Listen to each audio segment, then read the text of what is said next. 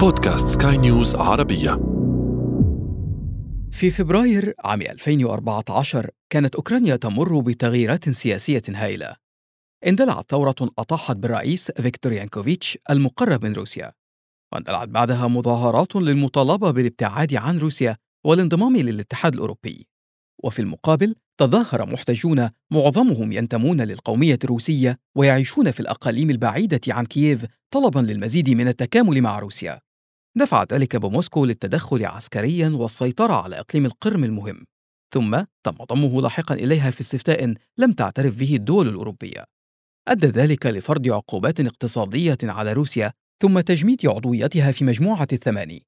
وحلت العاصمة البريطانية لندن محل مدينة سوتشي الروسية في استضافة القمة في عام 2014 لكن لماذا خاطرت روسيا باتخاذ تلك الخطوة العسكرية التي وضعتها على حافة مواجهة مع الغرب؟ مقابل السيطرة على القرم التي لا تتجاوز مساحتها 27 ألف كيلومتر مربع. في مقابل أكثر من 17 مليون كيلومتر مربع هي مساحة روسيا. لماذا تعد القرم مهمة لروسيا؟ حتى نفهم ذلك دعونا نعود إلى الحكاية من بدايتها. أنا عمرو جميل وأنتم تستمعون إلى بودكاست بداية الحكاية. بداية الحكاية.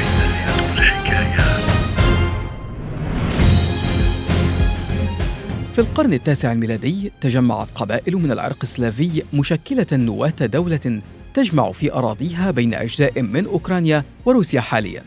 ولكن في القرن الثالث عشر تعرضت تلك الدولة لغزو من المغول بقيادة باتو خان أنهى وجودها. تحركت تلك القبائل باتجاه الغرب نحو مدينة تقع على طريق التجارة تسمى بمسكوفي مسكوفي التي تعرف حاليا بموسكو. لكن موسكو بموقعها الجغرافي كانت تمثل قلبا ضعيفا لدولة ترغب أن تكون قوية. فالأرض المنبسطة حول موسكو تتيح الوصول إليها من أي قوة غازية. لذلك اعتبر الروس أن التوسع نحو سلاسل الجبال وشواطئ البحار أمرا حتميا لخلق معوقات طبيعية لحماية قلب الدولة الضعيف. كان تتويج القيصر إيفان الرابع أميرا لموسكو ثم تتويجه كأول قيصر لروسيا في عام 1547 بداية لحقبة توسعية كبيرة. عرف إيفان الرابع بإيفان الرهيب. كان ذلك نتيجة لحروبه الدموية التي خاضها. ووسع على إثرها أراضي روسيا جاعلا منها إمبراطورية مترامية الأطراف. غزا بلاد تتارستان وسيبيريا وحول روسيا إلى مجتمع متعدد الأعراق. كان هدف إيفان الرهيب هو السيطرة على الأراضي بين بحر البلطيق وبحر قزوين. وبالفعل تمكن من تحويل نهر الفولغا إلى قناة روسية بحتة تسهل الوصول إلى بحر قزوين كما مهد الطريق للسيطرة الروسية إلى ما خلف جبال الأورال كان هذا التوسع باتجاه الشرق لا يضيف أراض شاسعة إلى الإمبراطورية الروسية فحسب بل يحقق الهدف الاستراتيجي الأهم بتأمين عاصمة الإمبراطورية موسكو من أي غزو أو إبادة كما حدث من قبل على يد المغول. كان على أي غاز يستهدف موسكو أن يعبر سيبيريا الشاسعة والموحشة ذات البرودة القارصة ثم يعبر سلسلة جبال الأورال التي تفصل بين قارتي آسيا وأوروبا. لكن موسكو المؤمنة جيدا من الشرق لم تكن تحظى بنفس التأمين من الغرب الذي يوجد به السهل الأوروبي الشمالي ذو الأراضي المسطحة. شجع ذلك كثيرا من أعداء روسيا على الهجوم عليها من الغرب. خاضت روسيا حروبا ضد البولنديين خلال القرن السابع عشر. وضد السويديين في القرن الثامن عشر. وفي القرن التاسع عشر حاول نابليون بونابرت غزوها بهدف إجبار القيصر ألكسندر الأول على وقف التجارة مع بريطانيا وتحرير بولندا من التهديد الروسي. تعرف هذه الحرب في روسيا بالحرب الوطنية وهي الحرب التي مثلت انعطافة مهمة في تاريخ الحروب النابليونية. وفي القرن العشرين تعرضت روسيا لمحاولة الغزو خلال الحربين العالميين. ووقعت على أراضيها أكبر معركة في تاريخ البشرية خلال الحرب العالمية الثانية معركة مدينة ستالينغراد التي حاول هتلر احتلالها وانتهت بهزيمة الجيش الألماني ومقتل نحو مليوني شخص. كانت كل هذه الأحداث والحروب تزيد من قناعة الروس بأن الخطر عادة يأتي من الغرب وهو ما دفعها لمحاولة توسيع هيمنتها على الدول التي تحدها من هذه الجهة. وبانتهاء الحرب العالمية الثانية واندلاع الحرب الباردة بين المعسكرين الشرقي والغربي وجدت روسيا أو الاتحاد السوفيتي نفسه في مواجهة مع الدول المحيطة به. لم تعد ألمانيا النازية الخطر الوحيد بل كل أعضاء الناتو. ما دفع الاتحاد السوفيتي إلى تشكيل حلف مضاد هو حلف وارسو يضم الدول المجاورة له. وكما نعرف جميعا سقط الاتحاد السوفيتي في عام 1991 ليعود التهديد مجددا لوريثته روسيا. فبحلول عام 2004 كانت كل الدول التي كانت في حلف وارسو الذي أنشأه الاتحاد السوفيتي قد انضمت إلى حلف الناتو أو إلى الاتحاد الأوروبي. كانت روسيا لا تخسر فقط نفوذها الدولي ولا حتى في الدول المحيطة بها وإنما أيضا قدرتها على الوصول إلى المياه الدافئة. فبرغم المساحة الشاسعة التي تحتلها روسيا وتجعلها أكبر دولة في العالم من حيث المساحة لكنها في الواقع لا تملك أي موانئ عميقة على المياه الدافئة. فجميع الموانئ الروسية إما أنها غير عميقة بالحجم الكافي لاستيعاب سفن ضخمة أو أنها عميقة لكنها تطل على بحار تتجمد خلال الشتاء. الأمر الذي يشكل تهديدا حقيقيا لروسيا وتجارتها مع العالم وكذلك تحركها في مناطق الصراعات. كان على روسيا أن تجد موطئ قدم يتيح لها الوصول إلى المياه الدافئة ووجدت في القرم الإجابة.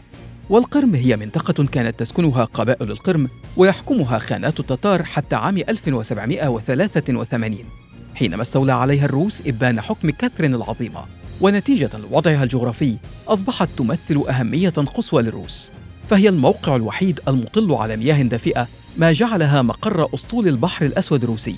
ذلك الأسطول المكون من أربعة ألوية يضم عشرات السفن والغواصات والذي استخدم في نزاعات متعددة حول العالم ومن بينها الحرب في سوريا. ظلت القرم جزءا من روسيا حيث تمتعت بحكم ذاتي.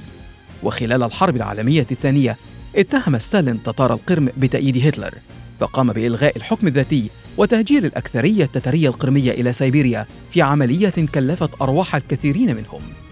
وفي عام 1954 قام الزعيم السوفيتي نيكيتا خروشوف بإهداء القرم إلى جمهورية أوكرانيا السوفيتية آنذاك من أجل تعزيز الوحدة بين الروس والأوكرانيين. ولكن ومع بدء تداعي الاتحاد السوفيتي أعيد الحكم الذاتي إلى القرم في عام 1990 وحتى مع وجود توترات انفصالية خلال عقد التسعينات ظلت القرم جمهورية ذاتية الحكم ضمن أوكرانيا. في عام 1997 وقعت روسيا مع أوكرانيا اتفاقا لاستخدام ميناء سيفاستوبول الموجود في شبه جزيرة القرم والمطلة على مياه البحر الأسود الدافئة من أجل الإبقاء على أسطول البحر الأسود هناك. لكن لم يستمر الحال على ذلك حيث كانت أوكرانيا تشهد تغييرات سياسية تحول دفتها من موسكو صوب الاتحاد الأوروبي. اندلعت احتجاجات شعبية للمطالبة بالابتعاد عن روسيا وانضمام أوكرانيا إلى الاتحاد الأوروبي. وبالطبع لم يرق هذا التغيير في بوصلة أوكرانيا السياسية لروسيا كما لم يرق لسكان العديد من المناطق في جنوب وشرق أوكرانيا. مثل مثلا إعلان أوكرانيا إلغاء قانون اللغة للأقليات والذي يشمل الروسية وإعلان اللغة الأوكرانية لغة رسمية وحيدة للبلاد صبا للزيت على النار في بعض الأقاليم المستاءة أصلا من التغيرات الحاصلة في مناطقهم. رأت تلك الأقاليم وخاصة شبه جزيرة القرم أن تلك الخطوة دليل على أن المحتجين في كييف عاصمة أوكرانيا يحملون أجندة معادية لروسيا ولهم توجه عنصري. أما في موسكو فكان الأمر يعني تهديدا مباشرا بحرمانها من منفذها الوحيد للتجارة عبر العالم ومقر أصولها البحري الضارب. وباستخدام ورقة العرق الروسي الذي يشكل غالبية سكان شبه جزيرة القرم قررت روسيا السيطرة على شبه الجزيرة في عملية عسكرية فشلت القوات الأوكرانية في التصدي لها. وفي السادس عشر من مارس 2014 أجري استفتاء في القرم للانفصال عن أوكرانيا والانضمام لروسيا الاتحادية. جاءت النتيجة لصالح الانضمام لروسيا بنسبة 95% وهو الاستفتاء الذي رفضت الاعتراف به الولايات المتحدة وحلفاؤها الغربيون. منذ ذلك التاريخ وحتى الآن تسيطر روسيا على القرم. ليس فقط لأنها تشمل غالبية من العرق الروسي لكن لأن فقدانها يمثل تهديدا للأمن القومي الروسي يعني حرمانها من الوصول إلى الموانئ الدافئة والتجارة بحرية مع العالم ويعني وقوع سفنها تحت رحمة دول أخرى تسيطر على الممرات المائية المحيطة بها ويعني خسارة ميناء سيفاستوبول مقر أسطول البحر الأسود. روسيا غير مستعدة لخسارة القرم بداية الحكاية.